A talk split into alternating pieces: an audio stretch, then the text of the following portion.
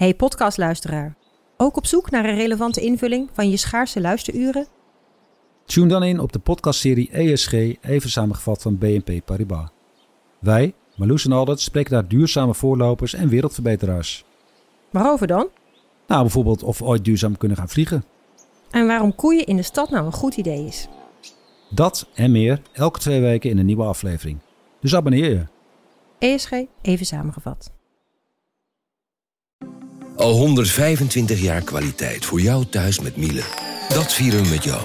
Ontvang nu tijdelijk een cashback tot 125 euro op veel Miele-apparatuur. Geniet van de kwaliteit van Miele. Voor perfect verzorgd wasgoed en kleding die veel langer mooi blijft. Voor een stralend schone vaat, even perfect als jouw diners. En een stofvrij thuis waarin echt hygiënisch schoon de standaard is. Check miele.nl voor alle feestelijke aanbiedingen.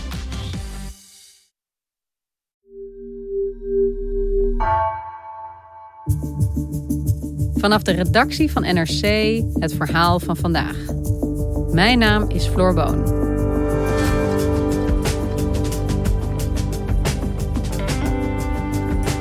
Het had niet veel gescheeld of het Limburgse stadje Weert was een bedevaartsoord geweest.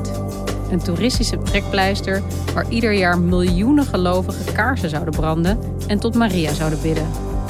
Want daar, op een doodnormaal kruispunt tussen de landerijen, verscheen in 1949 Maria aan een 18-jarige jongen die voorbij fietste. Binnenlandredacteur Freek Schravenzande dook in het wonder dat geen wonder mocht zijn.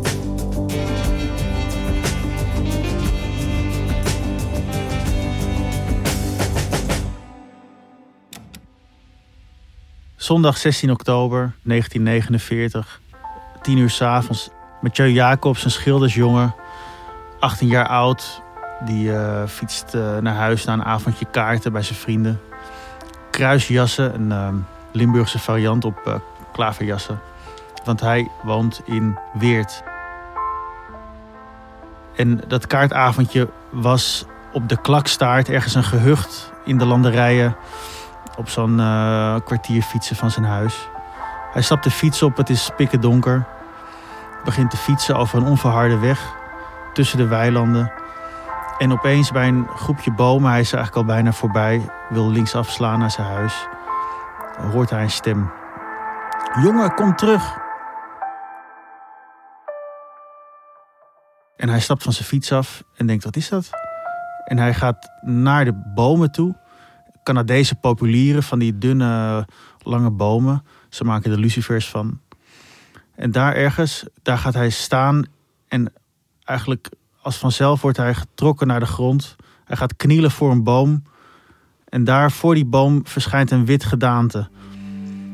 En het is Maria.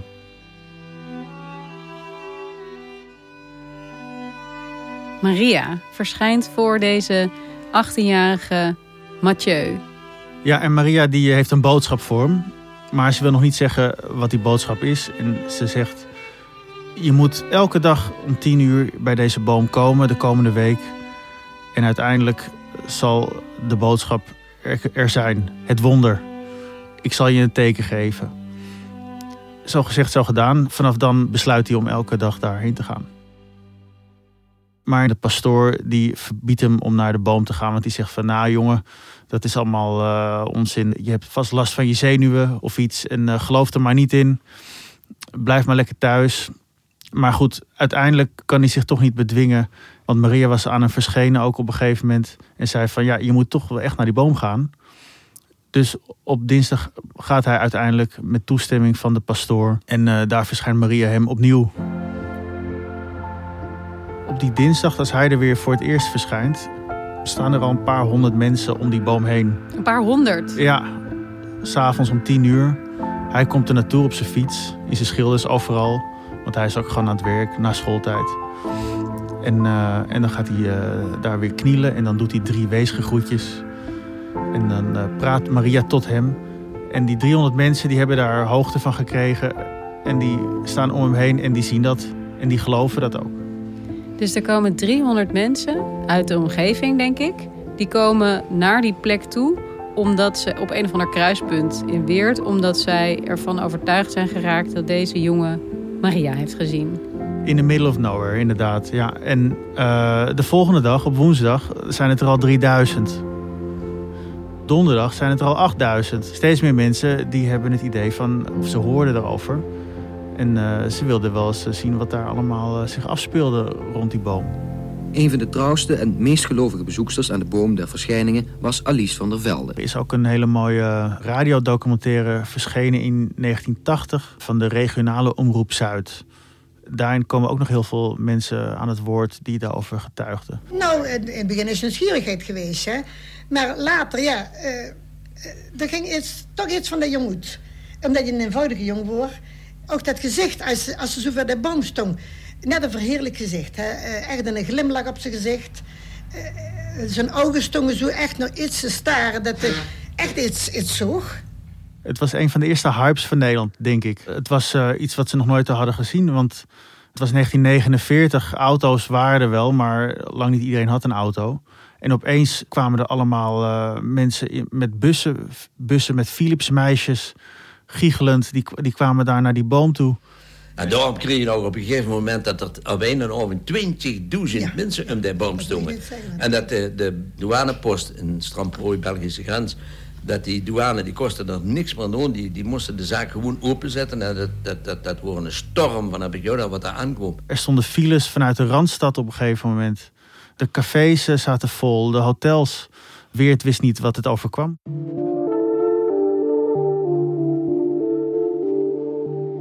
Dit klinkt als iets enorms uh, wat daar uh, zich afspeelt. Uh, bijna zoals weet je, in Lourdes, waar Maria aan Bernadette verscheen. En dat echt een gigantisch bedevaartoord is tot op de dag van vandaag.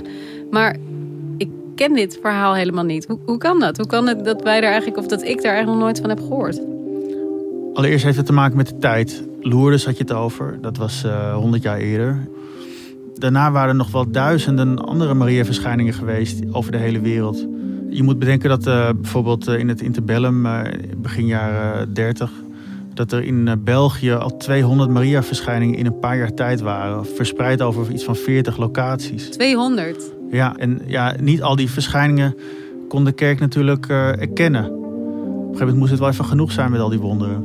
Als je te veel verschijningen zou erkennen, dan zou de geloofwaardigheid daarvan ook worden ondermijnd. Maar je zou denken dat de kerk eigenlijk er heel blij mee zou zijn. Dat het een soort buitenkant zou zijn, religieus en misschien ook wel commercieel. Als iemand een beetje een geloofwaardig verhaal had over de verschijning van Maria. Waar bovendien binnen korte tijd zo veel mensen op af zouden komen. In België zou dat zeker zo zijn geweest.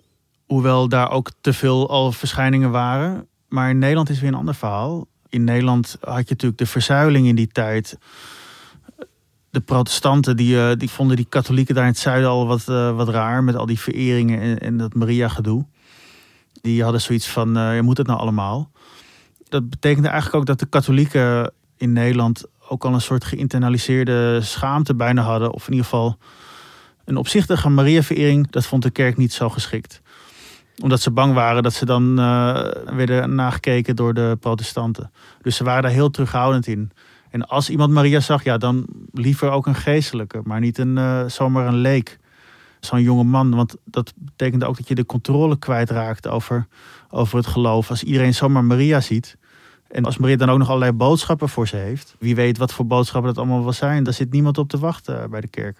Maar met zoveel Maria-verschijningen zou je dus eigenlijk kunnen zeggen dat het zo bijzonder helemaal niet was. Dat deze jonge schildersknaap uh, zei in ieder geval dat hij Maria had gezien. Vooral in België waren er heel veel echt jonge mannen die uh, zeiden Maria te hebben gezien. Vroeger in, in Lourdes waren het vooral kinderen en um, oudere vrouwtjes die daarover getuigden. Maar dat werden dus op een gegeven moment ook veel jonge mannen. Want het was heel belangrijk dat je ook uh, je vroom toonde. En die jonge mannen die wilden daar ook een soort daad bij het woord stellen. En ja, hun verantwoordelijkheid nemen. Maar hoe kan dat anders dan dat je zegt dat je Maria je hebt gezien. De figuur, Joe Jacobs. Zoek nog maar iemand uit die je vinden kunt. Maar dat is een uitgesproken figuur voor zoiets. Die was er precies geknipt voor. Zo'n jongen te verschijnen, zo'n schildersjongen. Trekt toch iedereen. Anders zijn het altijd kleine kinderen waar ze aan verschijnt. En de meisjes en zo. En nou komt ze met zo'n jongen tevoorschijn. Als je hem zag, zo'n uh, goede, brave jongen. En ze schilders overal. Wekt meteen wat meelij op. als ons lieve vrouw waarschijnlijk destijds verschenen was, dan was het Tjur Jacobs. Ik zou er nooit een tweede van ander bij kunnen denken. Ik sprak een uh, Vlaamse onderzoeker, Tine van Osselaar, die die reeks in België toen had onderzocht. En zij vertelde eigenlijk dat het aantal verschijningen ook uh, toeneemt met de onzekere tijden. Hoe onzekerder de tijden, hoe meer mensen Maria zien. Dat had je in de, in de tijd van het interbellum. Maar ook vlak na de Tweede Wereldoorlog, de tijd dat Mathieu Jacobs Maria zag in Weert. Dat was ook een onzekere tijd. Je had het communisme kwam net op. En uh, de kerk zag ook in Maria een soort redder. Iemand die ook uh, de mensen kon beschermen tegen het communisme. Maar je zegt in tijden van onzekerheid. Hè? Is dit ook iets wat, wat we dan nu ook zien hier bijvoorbeeld, maar waar het zich uit op een andere manier? Dat, dat mensen ja, ergens houvast aan zoeken? Ja, volgens mij zegt iedereen altijd dat elke tijd waarin hij of zij leeft een tijd van onzekerheid is. Dus dat is altijd ingewikkeld. Maar ik denk, als we deze tijd als een tijd van onzekerheid beschouwen, dan zou je ook kunnen zeggen dat iedereen die gelooft in allerlei complottheorieën, in Q1 en zo, dat die daar ook een soort houvast in zien. En als je ziet hoeveel mensen daarin geloven, ja, dan is het ook niet zo gek dat uh, in 1949 zoveel mensen ook geloofden in zo'n wonder als in Weert. Maar dus voor Mathieu was dit een wonder. Hij ervoer dit als een wonder. En, maar de kerk wilde dit helemaal niet als wonder erkennen. Nee, het hielp ook niet echt mee dat het teken nog steeds niet gegeven was.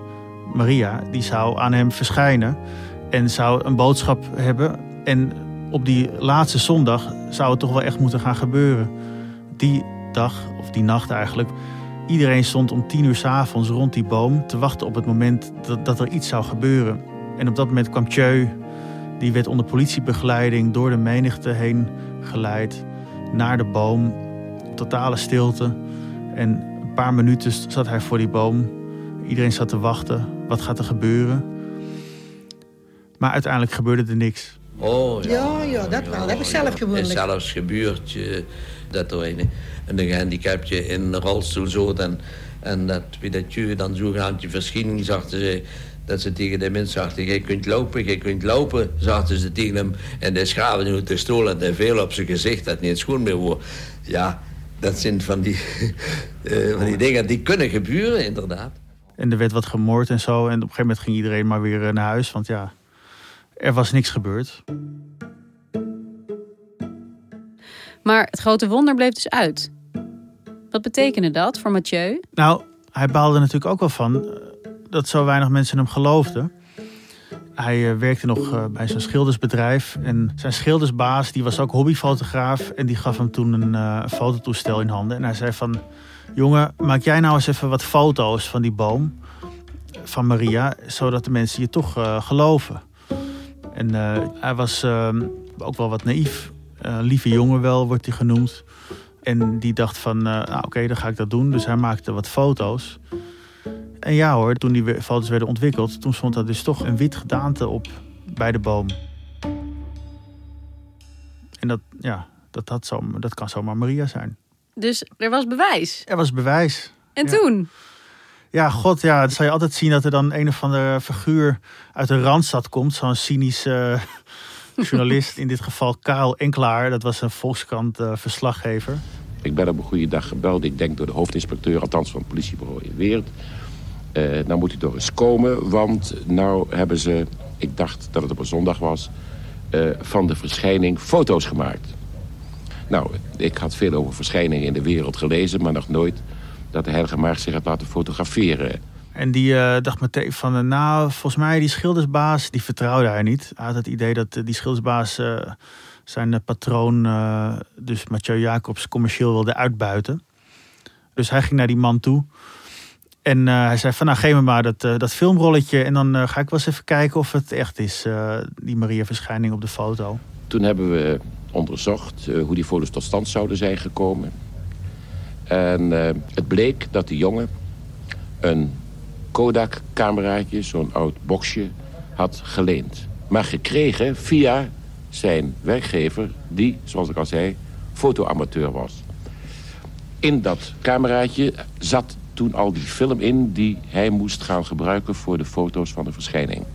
Het idee was dat Mathieu uh, met dat fototoestel in zijn hand naar die boom was gegaan en dat hij uh, had geklikt, maar dat het filmrolletje al leeg was en dat die trucagefoto's al op de rol hadden gestaan. En wat deed deze journalist eh, Karel Enklaar? Nou, goh, ja, dus die dacht van, eh, oké, nu wil ik ook weten waar is die trucagefoto gemaakt. Eigenlijk was Karel Enkelaar toen waar hij zijn moest. De foto van de Maria-verschijning berustte op bedrog. Maar hij wilde meer. Hij wilde weten hoe en waar de foto gemaakt was... om eventueel nog bestaande twijfels over het bedrog volledig weg te nemen. Die ging dan terug naar de Limburgse politie en die verwees hem weer door naar een paragnost. Ja, een paragnost. Ja, ook dat was heel normaal in die tijd. Paragnosten die hielpen de politie met allerlei eh, zaken, vermissingszaken, moordzaken enzovoort. Ja.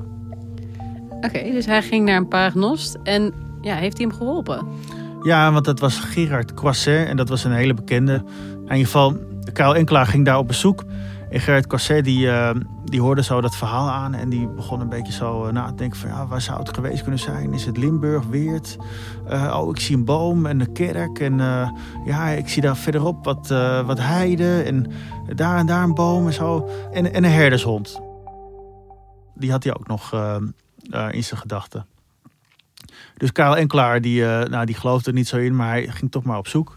Een van de fotografen was vooruitgelopen en begon te roepen dat hij die plek had gevonden. Ik loop daar naartoe, kon het haast niet geloven dat je zomaar als een speld in de hooiberg zo'n plek kon vinden. Want het ging toch om een paranormale waarneming die één vierkante meter besloeg in heel Nederland. En bevestig spontaan dat ook naar mijn mening die plek daaraan beantwoordde. Op dat moment hoor ik geblaf en naast mij uit het akkerland springt een grijze hond op die ik tevoren niet had zien liggen. De hond van Quazet. Nou, toen zijn we even stil geworden.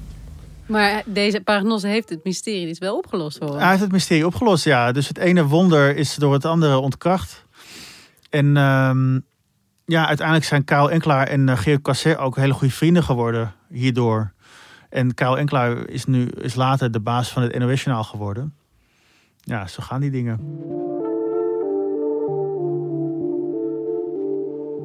hey, en Freek, leeft Mathieu Jacobs eigenlijk nog? Ik uh, vroeg me dat ook af. Ik ben uh, een tijdje geleden naar Weert gegaan omdat ik wel benieuwd was. Hoe is het nu, uh, hoe is het nu met hem? En ik wist waar hij woonde, ergens in een flat in, in Weert. Dus ik belde aan. Toen deed een, een vijftiger open.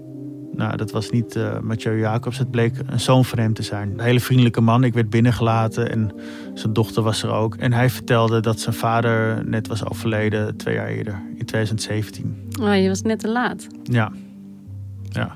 En wat kon hij je vertellen over ja, de impact die deze gebeurtenis heeft gehad op dat leven van uh, Mathieu? Hij vertelde dat, dat hij zijn vader altijd zag zitten. En dat, dat hij wel zag dat er nog een soort pijn zat van binnen over het verleden, maar dat het er nooit uitkwam. Mathieu Jacobs, uh, het trieste was eigenlijk dat hij altijd werd achtervolgd door dit verhaal. Hij werd er ook altijd op nagekeken. Tjeu van de Boom werd hij dan genoemd. Hij durfde eigenlijk niet meer onder de mensen te komen. Hij werd er ook mee gepest. Hij werkte op een gegeven moment bij de, bij de verffabriek. Daar stond hij aan de lopende band en dan werd er een, een kruis uh, gekrast in de verf. Nou, dat soort dingen kwam hij bij de tandarts en dan werd er... Uh, hey, van de Boom uh, werd dan door de tandarts gezegd. En dan, ja, het, was allemaal, het werd allemaal pijnlijk. Na dat krankzinnige jaar is het eigenlijk altijd stilgebleven rond hem. Tot 50 jaar later Jean Nelissen, de beroemde Limburgse wielerjournalist, inmiddels overleden, hem voor het eerst sprak. En toen zei Mathieu Jacobs ook, en een zin die ik ook altijd heb onthouden was ik maar nooit van die fiets afgestapt bij de boom. Het is echt een, een, een tragische geschiedenis. Als je nou eens bedenkt, wat zou er gebeurd zijn als dit wonder wel door de kerk was erkend? Dan was het misschien wel zo gegaan als in Lourdes, waar natuurlijk miljoenen mensen nog jaarlijks uh, komen. Ja, daar hadden sommige mensen in Weert ook wel iets in gezien. Bijvoorbeeld boeren die daar grond hadden in die omgeving die, die, die zagen wel een, kathedraal van 80 meter hoogte zitten en uh, hotels en zo. Maar het heeft niet zo mogen zijn. Ja, want hoe is het daar nu? Wat zie je nu als je naar de plek gaat waar Mathieu Maria heeft zien verschijnen? Ja, de weg is inmiddels uh, verhard. Je, je rijdt daar tussen de boerderijen en de, Uh, en de grote de varkensstallen en zo. En ehm, ja, ik hoopte nog natuurlijk het groepje populieren tegen te komen, de bomen. Maar die zijn er niet meer. Uh, op, op, de plek uh, waar Tjeu ehm, Maria zag, daar staat nu een elektriciteitshuisje. Dat is het enige. De boom is omgezaagd en waarschijnlijk is hij ook in de luciferfabriek van Weer terechtgekomen. Dankjewel, Freek. Ja, jij ook bedankt, Floor.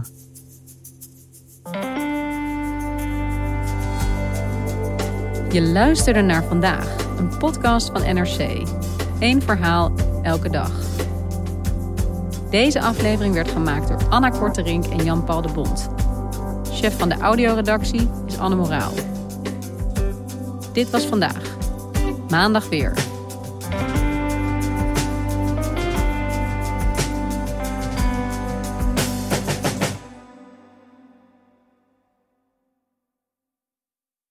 Technologie lijkt tegenwoordig het antwoord op iedere uitdaging. Bij PwC zien we dit anders. Als we de potentie van technologie willen benutten, kunnen we niet zonder een menselijk perspectief. Human-led, tech-powered noemen we dat. Ga naar pwc.nl.